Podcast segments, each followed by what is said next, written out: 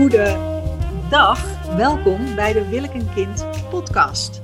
Met vandaag een hele bijzondere aflevering, want ik heb een gast en dat is Lenne. En ik laat Lenne zichzelf even voorstellen. Ja, superleuk. Hallo allemaal. Ehm, ik ben Lenne en um, ik ben alleenstaande moeder van een, uh, van een heel leuk dochtertje. Abby heet ze en uh, ik ben 28, ja, moet ik goed zeggen. En ik uh, ben juf. Ja, dat vond ik ook heel leuk. Eh, je bent juf van groep 8. Ja. De laatste groep van de voorheen lagere school. En nu is dat, uh, heet dat primair onderwijs of basisonderwijs? Voortgezet onderwijs. Of bedoel je de basisschool? Ja, ja, ja. primair onderwijs, ja. Primair onderwijs. hey, en Abby is bijna een jaar? Ja, aanstaande zondag wordt ze één jaar, ja. Oh, wat leuk, wat leuk. Ja. hey, en jij bent heel jong solomoeder geworden. Ja. Hoe is dat gekomen? Ja, nou dat was niet uh, in de planning. Um, ik uh, wilde wel altijd heel graag moeder worden, maar ik had altijd zo in mijn hoofd het, het beeld van, nou dan ontmoet ik iemand en dan worden we stapelverliefd en dan gaan we vanuit die liefde een kindje maken. En uh, nou, dat, dat is bij mij anders gelopen. Ik had het wel heel leuk met iemand, uh, maar dat was uh, van korte duur. was dus meer scharrel dan dat daar toekomstmuziek in zat. En ja, van hem ben ik toen in verwachting geraakt, ongepland. Ja. En toen heb je besloten om het kindje te houden. Ja. En um, is, hoe, wat vindt hij daarvan? Is hij een betrokken vader of is hij uh, een, een, soort bekende donor? Hoe, hoe noem je dat en hoe vertel je dat eigenlijk tegen, tegen, je, tegen je familie en vrienden? Ja, nou, ik, um, hij is, het zijn een aantal vragen. Hij is niet betrokken. Daar zou ik mee beginnen. Hij, is vanaf het begin af aan reageerde hij heel uh, zo van, oh nee, dit, dit wil ik echt niet hier heb ik niet voor getekend en uh, ik weet helemaal niet of ik wel kinderen wil en al helemaal niet op deze manier. En nee, dus hij was, hij wilde niet. En um, toen dacht ik, nou dan, dan trek ik mijn eigen plan. En ja, hoe ik het altijd uitleg is zoals ik het nu ook zeg, van ja, ik, ik heb een kind, ik heb geen partner en uh, hij is niet uh, in de picture, helemaal niet. Oké. Okay. En wat um, dus bijvoorbeeld op het geboortekaartje stond jouw naam, kindje heeft jouw achternaam. Ja. En um, wat ga je aan je kind vertellen? Is misschien wel belangrijk. Ja, dat is een hele goede. Nou, ik, ik probeer dat. Uh, ik denk er vaak aan. Ik denk er vaak aan dat ik denk: oh, wanneer komt die eerste vraag? En uh, ja, dat raakt me dan nu ook als ik dat zo uitspreek. Uh, het is een heel heftig begin. Ja. Oh, sorry. Nee, is oké. Nee, is oké, want dat is wel het thema. Dat is wel hoe het is. En, uh, en wat ik probeer in de aanloop daar naartoe, want ik, ik denk dat er veel meer belangrijk is dan alleen maar het moment van vertellen hoe het zit. Ik denk dat het ook al heel belangrijk is hoe ik ermee om ben gegaan tijdens de zwangerschap en nu, nu ook het eerste jaar. Ik probeer namelijk heel bewust mijn, um, mijn emotie tegenover hem een beetje ja, hoe zeg ik dat? Ik probeer dat niet zo erg op de voorgrond te laten. Dus ik vind er wel van alles van dat hij niet betrokken wil zijn en dat hij niet nou, vraagt hoe het met zijn dochter is. Uh, maar ik probeer dat met empathie te benaderen, omdat ik geloof dat Abby dat ook voelt. En ik wil graag dat als zij een keer wel contact heeft met hem, dat dat verhaal van haar mag zijn en niet al be, zeg maar met emoties van mij. Ja, dus ja, dat snap ik. Je wil niet um, haar beeld bij haar biologische vader en, en um, nou beeld bij überhaupt een vader uh, bezoedelen, omdat jullie relatie daar. Uh, ja, er was eigenlijk niet echt een relatie. Nee, nee, nee, precies, nee ja, precies. Ik wil gewoon dat dat verhaal van, van haar blijft. En natuurlijk, de feiten zijn zo dat hij weet van haar bestaan, maar ervoor kiest om niet betrokken te zijn. Um, hij heeft wel gezegd, als zij op een gegeven moment wil weten wie ik ben, dan sta ik daarvoor open. Okay. Hij krijgt sowieso, ja, ja. Ja, maar je krijgt... Nou, ja, ik krijg sowieso wel gemengde signalen van hem. Hij, ik, ik heb hem nog wel gesproken. Uh, en hij, hij is dan ook emotioneel. En zegt dat hij ook wakker ligt ervan. En eh, dus ik, ik kan dat, dat hele stuk van hem sowieso nog niet zo goed plaatsen. Nee. Dus dat is eigenlijk iets dat je van tevoren dan niet, uh, daar heb je gewoon niet op gerekend. Want je dacht dat je niet zwanger ging worden. Klopt. En hoe kwam je erachter dat je wel zwanger was? Nou, ik, uh, nou, ik, ik, had, ik had een morning after pill geslikt. En ik, ik dacht, als ik die. Uh, toen bleef mijn menstruatie uit. En ik dacht, ja, oké, dat, dat komt door die pil. Gewoon. Ja. Ik, had, ik had heilig vertrouwen in die pil namelijk. En uh, ik had wel een beetje zo gekke klachten. Maar ik dacht, ja, dat is gewoon door die pil. En ik maakte me daar totaal geen zorgen over. En toen na een week nog steeds geen menstruatie. Toen dacht ik, nou, wacht even, nu ga ik even een test doen. Toen was die negatief. En toen was ik al zwanger, dus hij had positief moeten zijn, maar het was dus een vals negatieve test. Dat kan en toen ben, ik, ja, toen ben ik gewoon doorgegaan met mijn dagelijks leven. En uh, toen, eh, nog een week later of zo, toen, uh, toen zat ik op de fiets. Ik weet nog heel goed. En ik ging over een hobbelig keienweggetje. En ik denk in één keer, oh, mijn borsten. En dat had ik nog nooit gevoeld, dat die zo gevoelig waren. En toen dacht ik, oh, oké. ja, en toen uh, heb, ik, heb ik het nog een paar dagen voor me uitgeschoven. Maar toen heb ik uiteindelijk toch nog een test gedaan. En die was binnen twee tellen meteen zo wam, positief. Ja. Oh, en wie heb je het toen als eerste verteld? Ja, mijn zusje, want die, uh, die was erbij. Ik zei tegen haar, uh, Veer, ik denk dat ik een test moest doen. En toen zei ze tegen mij, Len, je hebt echt geen corona. Zei ze. Want we zaten toen mee.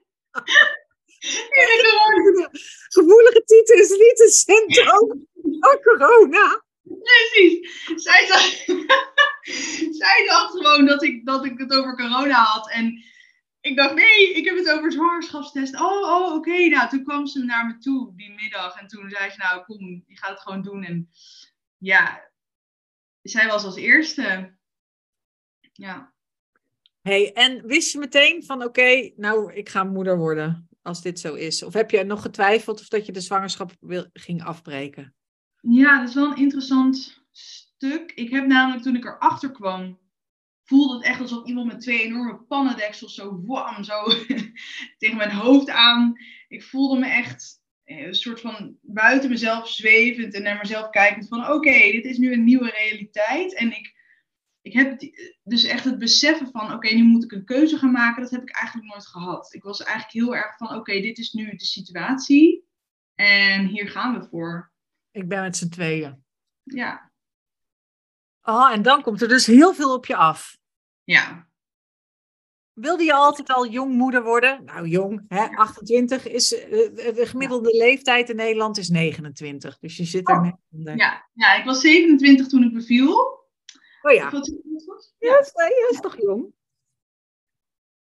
Ja, ik wilde jongmoeder worden en veel kinderen hebben. Ja, dat was ah. mijn wens. Ja.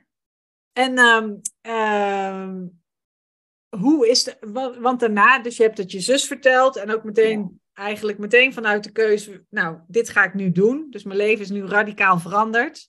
Ja. Wat, wat, nou, moest, wat, wat, moest je allemaal um, veranderen voor het solo-moederschap? Ja, heel veel. Ik, uh, ik woonde in een, uh, in een ontzettend leuke studio in een oud, uh, oud pand in Utrecht. En keek uit op de Dom en ik had een balkon op het zuiden. En ontzettend mooie, fijne plek waar mijn hart ook nog steeds ligt. Maar totaal ongeschikt voor een baby. Um, er was echt geen ruimte om je kont te keren. En ik moest een heel stel trappetje op naar mijn slaapvieden. Dus was gewoon geen optie. Um, dus ik moest verhuizen. En uh, ik moest een huis gaan vinden. En ja, dat, dat, ik, was, uh, ik stond al ingeschreven bij de gemeente, maar dat, daar moet je tegenwoordig bijna 20 jaar voor ingeschreven staan, wil je iets krijgen. Ja. Dus dat, uh, dat ging niet worden. En ik stond voor de klas. nou, dat verdient niet zoveel dat je in je eentje makkelijk iets vindt. Nee, schandalig, maar waar. Ja, en uh, dus ja, mijn leven ging er echt wel ineens heel anders uitzien. Ja. En ik ben toen uh, verhuisd naar mijn ouders terug. Oeh. Ja, ja, ik heb de... Oh, ook wel fijn misschien. Ja, heel fijn. En ook heel intens. ik woonde tien jaar op mezelf. En ja, als je dan weer terug moet, dat is wel... Uh, En hoe reageerden je ouders? Ja, dat is wel mooi. Hè? Ehm, mijn moeder die, die, uh, die schrok. Die was echt wel echt in shock ook.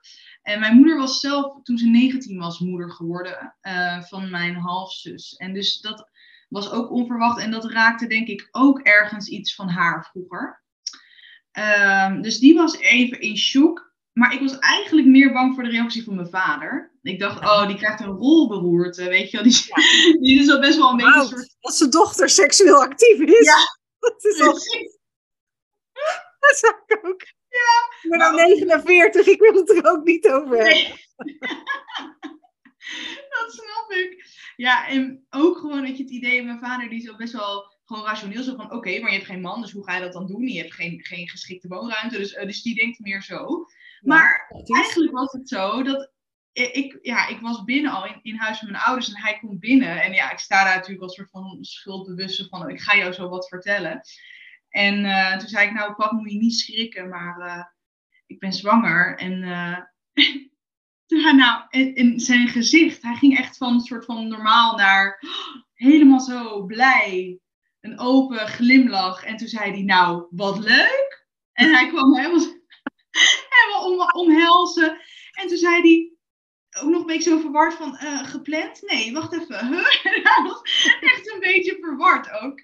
En, uh, en toen zei hij al heel snel, zei hij, ja, nou Len, we hebben wel voor hetere vuren gestaan en komt wel goed. En hij ging gewoon oh, over de orde van de dag. Ja.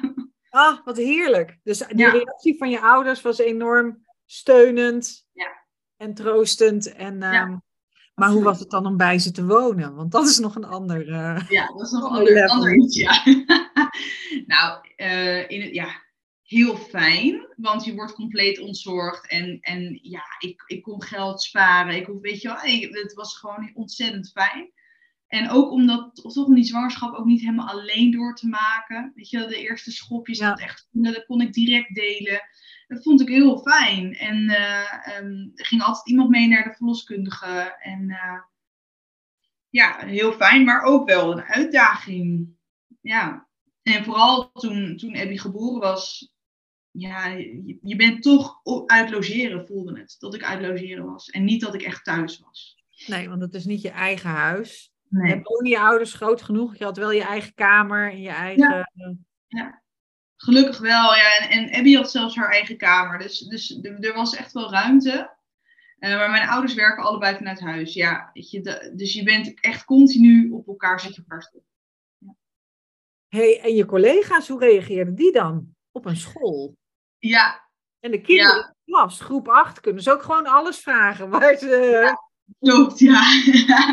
ja, dat was heel leuk. Want de kinderen die, die, ja, ik vertelde dus dat, dat ik, dat ik uh, moeder zou worden. Nou, die ging eerst helemaal uit hun dak. Dat, dat, dat vinden die, die kinderen fantastisch. En toen kwam al heel snel de vraag, maar juf, je hebt toch geen vriend?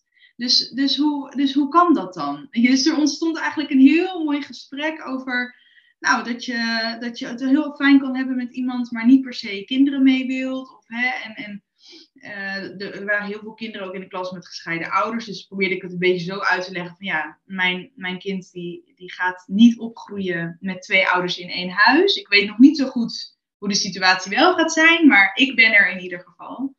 Dus dat, uh, ja, en, dat, en kinderen zijn zo, oké, okay, dat is het dan. Ja, en dan gaan ze nemen dat voor waar aan. Ja, ja zonder oordeel. Ja, ja. ja, dus dat was heel fijn. Ja. En je collega's? Mm. Ja, ook gewoon heel fijn. En heel erg van, oh, maar dat kan jij. En, en ja, ook ondersteunend. En eigenlijk iedereen wel zo van, wauw, oké, nou, dat gaat een grote verandering zijn. Um, maar dat komt goed. Maar ik merkte wel dat ik veel ook kreeg. Als dat had ik gezegd, dan was het, oh ja, maar wacht, je bent echt alleen. Weet je wel? En dan, dat is een soort van van oh, maar en het was niet gepland. Dus oh, het, het voelt toch een beetje als een soort opbiechten dat je dan ongepland zwanger bent geraakt. Ja. En hoe is het dan nu? Want nu ben je al, uh, al een jaar moeder. Dus nu is het eigenlijk. Het is anders. Ja, is anders. Ja, is anders, ja. Ja, mensen die, uh, die, is gewoon, die kijken niet eens gek van op. Oh, je bent alleenstaande moeder. Ja, dat zijn er veel tegenwoordig. En dan hebben ze het helemaal niet meer over of dat het bewust is of onbewust. Of, uh, hoe, noem, hoe noem je jezelf? Als, als, je het, als je voorstelt, of hoe, weet je al hoe je het gaat vertellen als je kind uh, straks zelf naar school gaat? Ja, nee, ik, ik noem mezelf gewoon, ik ben, ik ben alleenstaande moeder. Ik ben single mom of solo mom. Uh, ik doe het alleen en er hangt niemand bij die af en toe even komt, komt kijken of komt helpen. Nee. Ja, precies. Dus helemaal een solist. hey, en wat, wat is het, uh, laten we beginnen met wat is het meest mooie eraan? Mm, dat, dat ik haar helemaal voor mezelf heb. Ja, dat, dat al de liefde die zij kan geven naar mij gaat. Ja. ja. Ja, ja, dan ga ik gewoon klinken als een oude doos. Maar dat vind ik ook oké. Je moet ervan genieten. Want die van mij is nu dus acht. En nu ben ik, eh, ik heb het helemaal verkeerd aangepakt. Dat moet je ook niet doen. Ik onderhandel nu over kusjes. Daar moet ik tegenover staan. Dus het gaat helemaal de verkeerde kant op. Want op een gegeven moment heb je natuurlijk helemaal geen handelswaar meer. Nee. Uh, ik weet nog niet hoe het, dan, hoe het dan gaat aflopen. Maar zo heerlijk. En ik heb je dochter natuurlijk al even mogen zien. Ja. In het voorgesprek. En het is zo lekker. Lekker, ja. uh, lekker kind. Ja, dus dat is geweldig. hey, en waar, waar woon je nu? Ik woon uh, op mezelf nu in Amersfoort. Uh, ik heb een, ja, hoe het me is gelukt, ik weet het niet. Maar ik heb een appartement kunnen regelen. Echt een heerlijk appartement met uh, twee slaapkamers en twee balkonnetjes. En ja, ik, ik ben blij. Ja. En, en je werkt nog gewoon als juf. En dan, um, wat is de grootste uitdaging aan dit solo? Nou, dat je geen break hebt. Je, kan, je, je hebt gewoon niet een je kan jezelf heel moeilijk een time-out geven. En die is soms nodig. Die komt soms op als poepen. Dat gevoel van ik moet nu even iets anders doen. Ik moet nu even het huis uit, want ik trek het niet. En dan, dan, Wat zei je? En wat doe je dan? Ja, schuif ik opzij.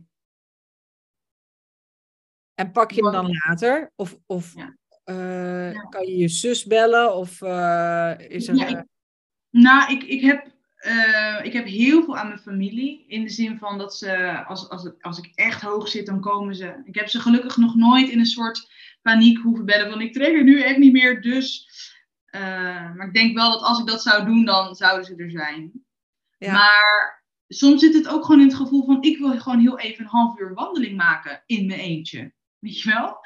En als je nou een partner hebt die komt thuis en dan zeg je hier, succes, dat is ook jouw kind, ik ga even. En ja, ja dat, dat vind ik soms wel moeilijk. Ja. Ik had toevallig afgelopen weekend bij mijn eigen ouders, dat ik had gisteren mijn moeder aan de telefoon, die zei, je was wel heel moe hè, dit weekend. Je was echt mm. moe, je zat er echt doorheen. Je moet dan mm. ook echt, dan moet je gewoon zeggen dat we Chinees moeten gaan halen. Want nou ging je ook nog staan koken in de keuken. Oh, en je zat er al doorheen. En dat kwam omdat ik s'avonds, toen was dus alles op. En toen op een gegeven moment toen snapte ik ook. Toen was het echt zo van, ja, nou gaat iemand anders het doen, en nou ben ik er helemaal klaar mee. Ja, maar dat krijg je dan. Ja, ik snap het. Ja. hey, dus, uh, en uh, nou, wat ik weet zeker, wat mensen zeker willen horen is, hoe is het nu met je liefdesleven? Wat verwacht je ervan? Is er plek voor meer liefde? Is er plek voor oh. meneer? Oh, nou jongens, ik, ik vraag me oprecht af, hoe moet ik ooit gaan daten? Ik weet het niet. Ik vind oh, het zo'n moeilijk vraagstuk. Dit is helemaal het verkeerde nieuws. Dit wil niet antwoorden. We knippen het eruit, mensen. nou, ik kan je wel wat vertellen. Ja, ik, ik moet zeggen, ik heb nu pas, nou, we zijn dus een jaar verder, het idee van, nou, ik zou het wel eens leuk vinden om een keer een avondje uit te gaan met iemand. Maar dan alleen gewoon ergens iets drinken, mezelf een beetje leuk aankleden, een beetje flirten, misschien zoenen. En dat was het dan. En dan hoef ik verder ook helemaal niks, want ook niet nog verplichtingen met appen en zo. Weet je, ik heb mijn vriendinnen al bijna niet terug. Ik heb gewoon geen tijd. Ja, dus ik vind het een vraagstuk. Dat is een vraagstuk. Oké, oké. Okay. Ehm, ja, dat is een vraagstuk. Ja. Dus uh, je hebt er je, langzaam begint, je hebt er tot nu toe ook geen behoefte aan gehad. Of je voelt dat de tijd veel te. Of je zou het wel willen willen, maar je bent te moe om het te willen. Ja, misschien, misschien dat laatste inderdaad. En ook uh, wel een. Uh, oh, die ramen gelapt? Ik denk, oké. Okay. Sorry, even afgeleid. Wat is pas een ideaal appartement? Of zit je op school? Nee, ze bij mijn ouders thuis. Oh, oh ja, dat de ramenlapper komt, heerlijk. Ja, Ehm, ik zou het wel willen willen, maar ik denk, ik vind het ook gewoon heel spannend. Weet je, hoe. Um, want je krijgt niet, ik, ik kan niet meer zorgeloos daten, wat ik eerst deed. Gewoon uh, een afspraak maken en kijken hoe de avond loopt. Uh, tot midden, midden in de nacht biertjes blijven drinken. Um, het, het, het wordt gewoon wat, wat minder spontaan. En ja, ik, ik vind het wel spannend. Ja ja, dat is ook wel spannend. Ik moet zeggen, ik ben natuurlijk nou uh, wat ouder. De, de manier waarop je date verandert ook. Ja. Dus als je dertigers daten alweer anders dan twintigers. Ja. Veertigers weer anders dan dertigers. Dus daar ja. valt wel um, daar, daar zit ruimte. Er zit ruimte voor op andere manieren daten en zo. hey, en um, heb jij, jouw vriendinnen, hebben die een kind? Hoe zit je in de... Ben je de eerste? Ja, ik ben de eerste. Ah, en zijn er al mensen nu een beetje bezig met dat ook te gaan doen? Of zeg je van nee, ik, ik zit in mijn eentje? Nee, ik heb één vriendinnetje die zei wel laatst van ja, ik denk ook wel dat ik een kindje wil en dat de tijd er wel voor is. En dus ik hoop, ik hoop heel erg dat er binnenkort uh, iets bij komt. Ja. ja, want dat maakt natuurlijk ook wel uit. Want dan, heb ja. je, dan, dan zit je samen op. Uh... hey, en um, uh, hoe was het om in je eentje te bevallen als solomoeder? Ja, uh... Ja, ik heb natuurlijk geen vergelijkingsmateriaal. Nee. Uh, maar ik, ik vond het heel fijn dat ik zelf kon. Ik hoefde met niemand anders rekening te houden. Dus ik, had, ik wilde heel graag thuis bevallen. En ik had dus niet een partner die zei van nee, maar ik wil heel graag dat we naar het ziekenhuis gaan. Weet je, dat je daarover zit te bakkeleien. Dus dat, dat vond ik heel fijn. Um, maar ik merkte wel dat zorgverleners. En ik kreeg bijvoorbeeld echt een interview bij mijn eerste verloskundige van of ik wel uh, een goed uh, vangnet had. En of ik, uh, nou, ze ging echt wel een beetje ondervragen of ik wel geschikt was om, om dit te doen. Dat om, wel... Voor het moederschap? Maar je, was, je bent al zwanger, dus wat heeft. Ja. Wat ze nog, ja. dat is te laat. Ja, dat was bij, was bij de allereerste, allereerste afspraak. Een hele vroege echo met zeven weken. Dat doen ze dan als je ongepland bent. En dan, gaan, dan bieden ze je een, een, vroege echo aan. Dus met zeven weken had ik al een echo. En toen ging ze me wel echt, ook echt zo zeggen: maar weet je wel waar je voor tekent? En hè, een kind in je eentje. En heb je. Een, nou, dus ik kreeg best wel wat vragen daarover. Oh, wat heftig. Maar ook, ja. weet je, je hebt dan al besloten dat je het wil voldragen. Dus wat, ik denk dat ze zelf een inschatting wilde maken. En als zij het gevoel had van zij kan dit niet in haar eentje, of dat er bellen gaan rinkelen, dan had ze instanties kunnen. Uh, um, zo van: hé, hey, kijk hier eens naar voor hulp. Oh, oké, okay. op die manier, op die manier. Nou, lijkt me ook al heel vervelend ja. uh, om, om mee te maken. Terwijl je eigenlijk gewoon wil horen dat alles goed is met je, met je kindje. Precies, ja. En um, uh, maar de, dus dat was de eerste keer met de verloskundige. En daarna had je, had je een vast iemand die met je meeging ja. voor dat soort zaken? Nou, uh, nee, ik heb, in het begin heb ik gewisseld. Ik heb mijn broertje een keer meegehad voor de eerste echo, voor de geslachtsecho. Ik heb uh, mijn zusjes een paar keer meegeweest en mijn moeder. Maar toen ik ben verhuisd, dat was halverwege mijn zwangerschap, toen moest ik ook naar een andere verloskundige. En toen heb ik een caseload verloskundige gekozen. Dus dat is iemand die werkt één op één. Dus dat is een eenpitter. En die heeft veel meer tijd voor de consulten ook. En toen is mijn moeder elke keer meegegaan. Ah. Ja. En dan was het ook de bedoeling dat zij bij mijn bevalling uh, zou zijn. Ja. Daar was ze ook, of niet? Ja, ja, ja. Ja, oké. Okay.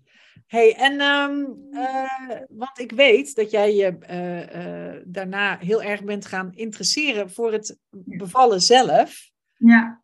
Hoe was je, laten we beginnen met je eigen bevalling. Ja, ja mijn bevalling was aan de ene kant fantastisch. en, en zoals ik hem wilde, dat was thuis en in bad en met mijn eigen muziek. En ik voelde me gewoon heel erg veilig in mijn eigen bubbel en was heel fijn. En op een gegeven moment zijn we toch naar, ja, ben ik naar het ziekenhuis gegaan, omdat uh, toch te intens was voor mij. Ik, het, duurde te lang, ik had te veel pijn, ik wilde even slapen. van de ruggenprik. Ehm, ehm, en toen kwam ik in het ziekenhuis en daar was het niet zo leuk meer. Dus in het ik, voor mijn gevoel heb ik eigenlijk twee bevallingen gehad. Eentje die dus heel fijn en veilig en, en, uh, en mooi was thuis, bij mij gewoon hier. En eentje in het ziekenhuis, waar Abby uiteindelijk geboren is. En dat stuk was niet fijn. Oké, en zonder al te veel op te rakelen daarover. Ehm, wat was er? Wat was er want uh, het lukte thuis niet, dan moet je alsnog naar het ziekenhuis. Dat lijkt me al verschrikkelijk. Ik heb zelf een geplande keizersnee gehad. Oké. Dus ik ging gewoon op afspraak naar het ziekenhuis. Dat is ook heel weird, want dan weet ja. ik erheen. En ik kom terug met een baby. Ja. Een hele gekke gedachte. En vrienden hadden al gewaarschuwd van je moet een keer oefenen met die maxicosi, want het lijkt oh, ja. zelf gaat. Maar als je hem voor het eerst vast hebt met een baby, lukt het niemand. Nee. nee. dus um, en die geplande keizersnee vond ik helemaal fantastisch. Oh, fijn. Want je kreeg die ruggenprik. Ik mocht ook ja. zelf mijn uh, muziek uitkiezen. Ik, ik zat, ik zat uh, te, te, twijfelen tussen, um, uh, hoe heet die nou? Because I'm Happy van... ja, Pharrell Williams. Ja, Pharrell Williams. Of de cantates, de cello-cantates van Bach. En ik koos oh. voor die laatste. En ik oh. hoorde die mensen in de operatiekamer nog zeggen... Oh, weer klassieke muziek. Oh. Nou ja, jammer. maar het was heel leuk, want met een geplande keizersnee bouwen ze een soort theatertje op je buik. En dan schuiven ze een gordijntje opzij. En dan laten ze het zo zien. Ik wist ook niet wat het ging worden. En toen lieten ze zo. Uh, en dat was allemaal gebeurd voordat ik het zelf in de gaten had. En, Mooi. Um, nou ja, dan, die twee of drie dagen moet je dan nog in het ziekenhuis blijven. Die waren op zich niet heel prettig, maar dan ben je ook zo wauws van de drugs die ze je geven. Dat, je, dat heb ik eigenlijk verder niet echt meegekregen. Nee. Dus dat is wat ik ervan onthouden heb. Ziekenhuizen zijn eigenlijk nooit leuk. Nee. Maar um, wat, wat kun jij erover vertellen? Um, ja, ik, ik kwam in het ziekenhuis en ik, ik werd een beetje. Ik, ik, ik had bedacht, ik ga die bevalling op mijn eigen manier doen. En ik, ik had me heel goed ingelezen van tevoren. En ik had heel erg een beeld over hoe ik dingen wilde. En het stond een beetje haaks op hoe ze in het ziekenhuis eigenlijk normaal gesproken werken. Uh, met vrouwen die bevallen. Ik wilde bijvoorbeeld heel graag niet getoucheerd worden. Dan meten ze dan ontsluiting. Uh, uh, vaginaal. En ik, ik wilde dat niet, want ik, vind dat, ik vond dat onnodig. Ik dacht, ik, ik ga vanzelf voelen wanneer ik persdrang krijg. En uh, elke keer dat gefrut in mijn lichaam, ik wil, dat wilde ik gewoon niet. En ik vond het ook heel pijnlijk. en ja, ik kwam die kamer binnen en het eerste wat er dan gezegd werd van, nou, dan gaan we eerst even voelen hoe ver je bent. En mijn reactie was echt, nou nee. Dus ja, de toon was al gezet en dat was jammer. Um, en toen kreeg ik dus een verloskundige daar uit, uit het ziekenhuis. En die, nou, die had eigenlijk gewoon een beetje larie aan mijn mensen. En die overlegde ook niks. En die, ja, die, die heeft bijvoorbeeld ook zonder toestemming mij getoucheerd. Um, en dat, dat, is, dat, is heel, dat is wel traumatisch geweest. Ja, ja want je ligt op in een bed en je bent eigenlijk ook aan hun zorg overgeleverd. Dus ja.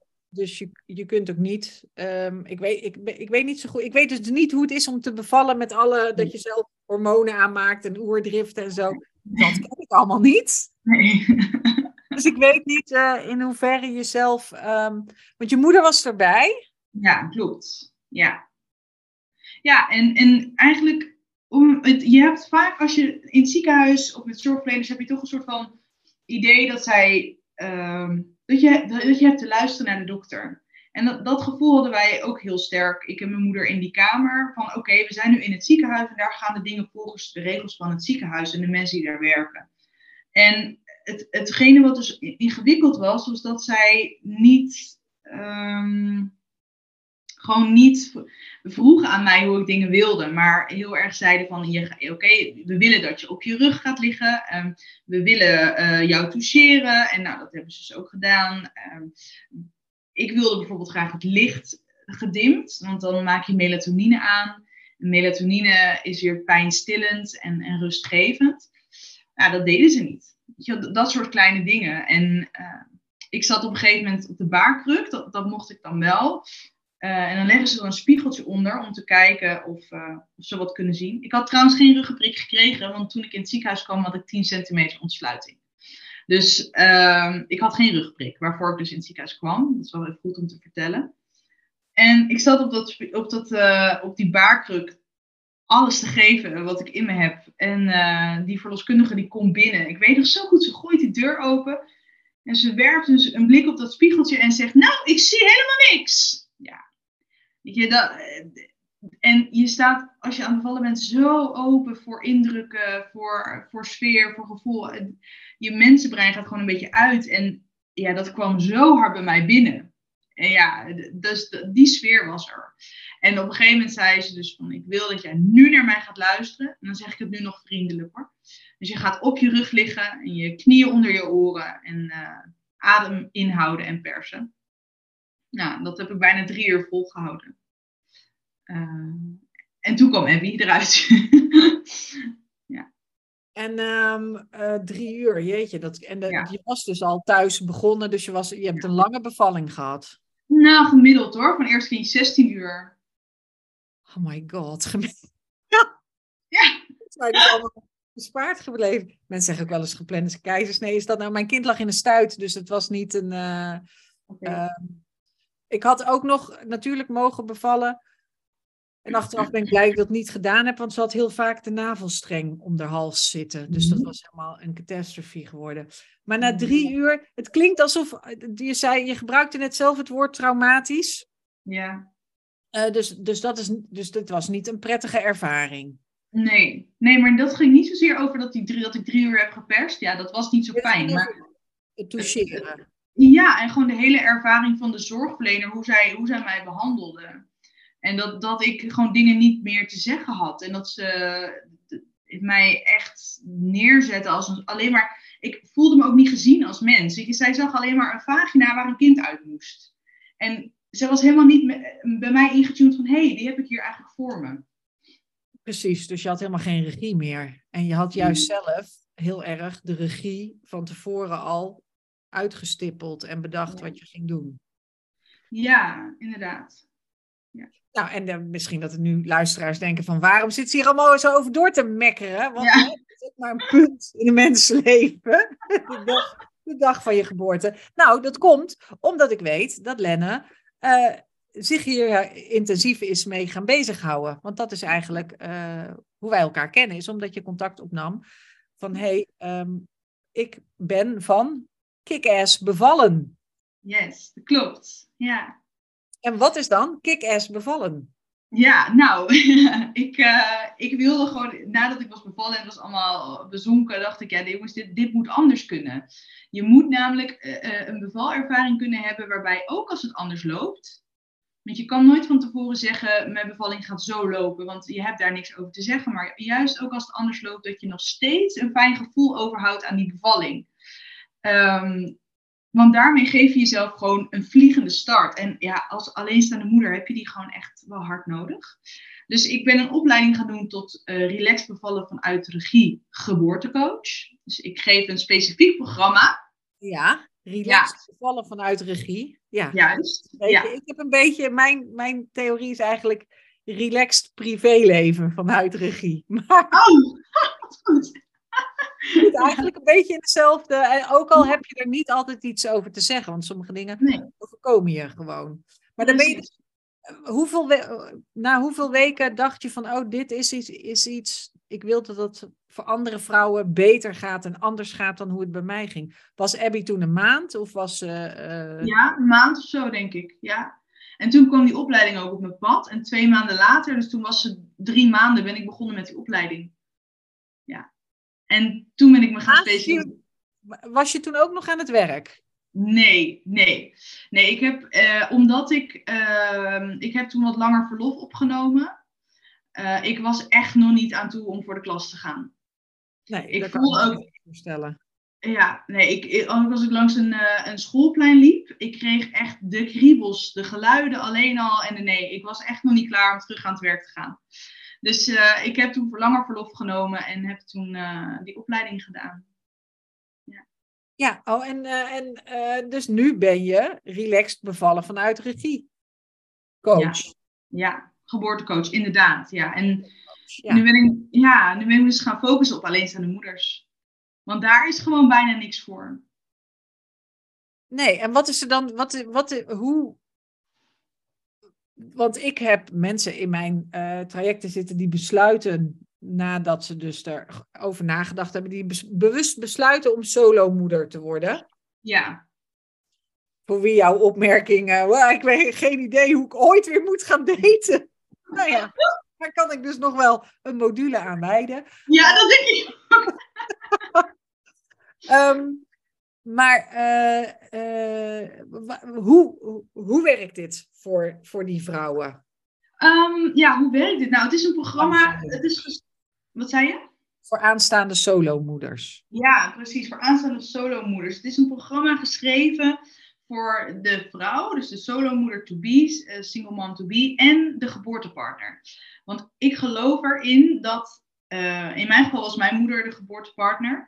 Maar dus ze was helemaal niet voorbereid op haar rol eigenlijk. Uh, want ja, zij dacht, ik ga gewoon jouw hand vasthouden. En dan komt het goed. En ik was heel blij dat ze daar was en dat ze mijn hand vasthield. Maar ik had eigenlijk iemand nodig die even met de zorgverlener op de gang zou praten en zeggen: hey, dit zijn een beetje haar wensen. Hoe staan jullie daar tegenover? Kunnen we even samen tot een, tot een fijn plan komen? Weet je wel zo. Dus ik vind, ja, ik vind het super belangrijk dat, dat, dat de vrouw die alleenstaande moeder wordt, zich niet alleen voelt tijdens het bevallen. Dus dat is een beetje het. Uh, Want jij hebt je heel. Was dat de, de grootste pijn van de bevalling? Was dat je je heel erg alleen voelde ook? Uh, nou, ik voelde me vooral niet gezien. Niet gezien en niet gehoord. En ook niet iemand die, dat, die het voor je op kon nemen. Nee, precies. En dat is natuurlijk wel extreem. Hè? Je wil dat echt voorkomen dat er überhaupt dat er, dat er moet je. Je wil voorkomen dat er iemand voor je het moet opnemen. Dat is best wel, mijn, mijn verhaal is best wel extreem. Dus je wil eigenlijk al van tevoren al dat ondervangen door even de koppen bij elkaar te steken en te zeggen: hé, hey, dit is een beetje hoe we het voor ons zien. Ja. Um, ja. Ja, ik, ik weet ook wel van uh, andere uh, solomoeders dat dit, dat dit ook echt iets is waar ze tegenop kunnen kijken en waar mm. ook. Um, en, en ook het punt waar wij het nu over gehad hebben, dus dat als je aan het bevallen bent, uh, zeker dat als je dat in een ziekenhuissetting gaat doen, dat je dan dus niet meer de regie hebt.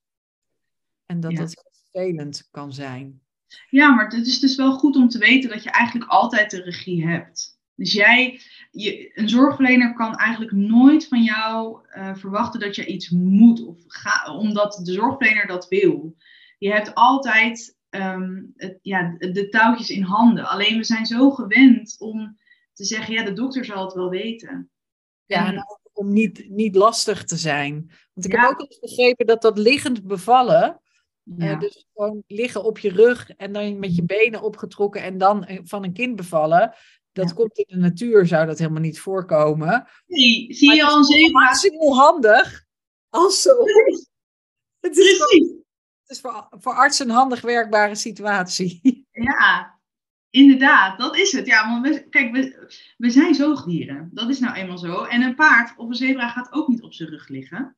En je werkt tegen de zwaartekracht in. En het is pijnlijker, je bekken wordt 30% kleiner het is voor de zorgverlener inderdaad fijn. Die heeft overzicht en die bezeert zijn rug niet, uh, want die kan zitten op een kruk. Maar het is voor de vrouw echt vaak niet ideaal. Ja, nee. En het is wel wat we kennen van bevallen, zijn altijd die plaatjes. Ja, klopt. Dus in, films en andere dingen is altijd dat wat je ziet. hey, en uh, dus je hebt die cursus gedaan. Ben je nu al dat werk aan het doen? Of ben je, ben je, nog, uh, ben je weer aan het werk als juf? Ja, allebei. Ja, ik ben gewoon drie dagen aan het werken als leerkracht, maar ik wil, dit ben ik nu dus daarnaast aan het opzetten. En ik begeleid al vrouwen en dat is ontzettend leuk om te doen, maar het mag meer worden. Dus dat... Uh... Opgelet, opgelet. opgelet. Maar dat is in de omgeving van Amersfoort, neem ik aan. Nou, ja, ik... Um, in principe, er zijn, er zijn, je hebt twee opties. Je zou het bij mij inderdaad live kunnen doen, dus in, in, in Amersfoort. Maar er is ook optie om het dus uh, via Zoom te doen. Want het is een, het is een cursusprogramma van vier lesmomenten van 2,5 uur. Um, en dat kan dus ook via, via beeld. Oh, dat kan ook gewoon online. En dan krijg je les over alles wat met bevallen te maken heeft. Juist. Over, en, over hoe je relaxed kunt blijven en de regie, de touwtjes in handen kunt houden. Precies, ja. Interessant, interessant. hey, en wat uh, ter afsluiting, wat, wat, zijn jouw, wat hoop je voor jezelf en wat hoop je voor Abby in de toekomst? Oeh. Ik hoop. Ja. Uh, ik hoop dat, uh, dat voor, voor Abby dat zij er niet te veel last van gaat krijgen dat haar vader er nu niet is. En ik hoop dat hij er in de toekomst wel gaat zijn, op wat voor manier dan ook. Dat hoop ik heel erg voor haar. Um, en voor mezelf, ja, dat, dat, dat dit gaat lopen. Dat lijkt me echt fantastisch. Dat ik uh, alleenstaande moeders kan, uh, kan helpen naar die vliegende start. In het solo-moederschap. Ja. ja. Nou, ik vind het een heel mooie, een, een hele mooie wens voor jezelf en ook voor anderen. Uh, dus ik wil je heel erg hartelijk bedanken voor dit gesprek. En als er nou mensen zijn die naar deze podcast luisteren en meer willen weten over kick-ass bevallen. Yes. Relaxed bevallen vanuit regie, was dat? Ja. Uh, ja. Nou, dat, dat heet, ja, dat is, dat is de naam van het programma. Maar je kan mij vinden op uh, Instagram onder single kick-ass bevallen. Uh, en mijn website kickassbevallen.nl. Oh, heel goed, heel goed. Dat moet je erbij zeggen. En, uh, nou ja, dus voor alle dames die weten dat ze moeder willen worden en die ook wellicht weten dat ze het solo willen doen. Lenne, heel erg hartelijk bedankt voor dit gesprek. Jij bedankt. Graag gedaan. En um, voor alle dames, uh, als er vragen of opmerkingen zijn, dan kun je ze altijd naar me mailen. Uh, info@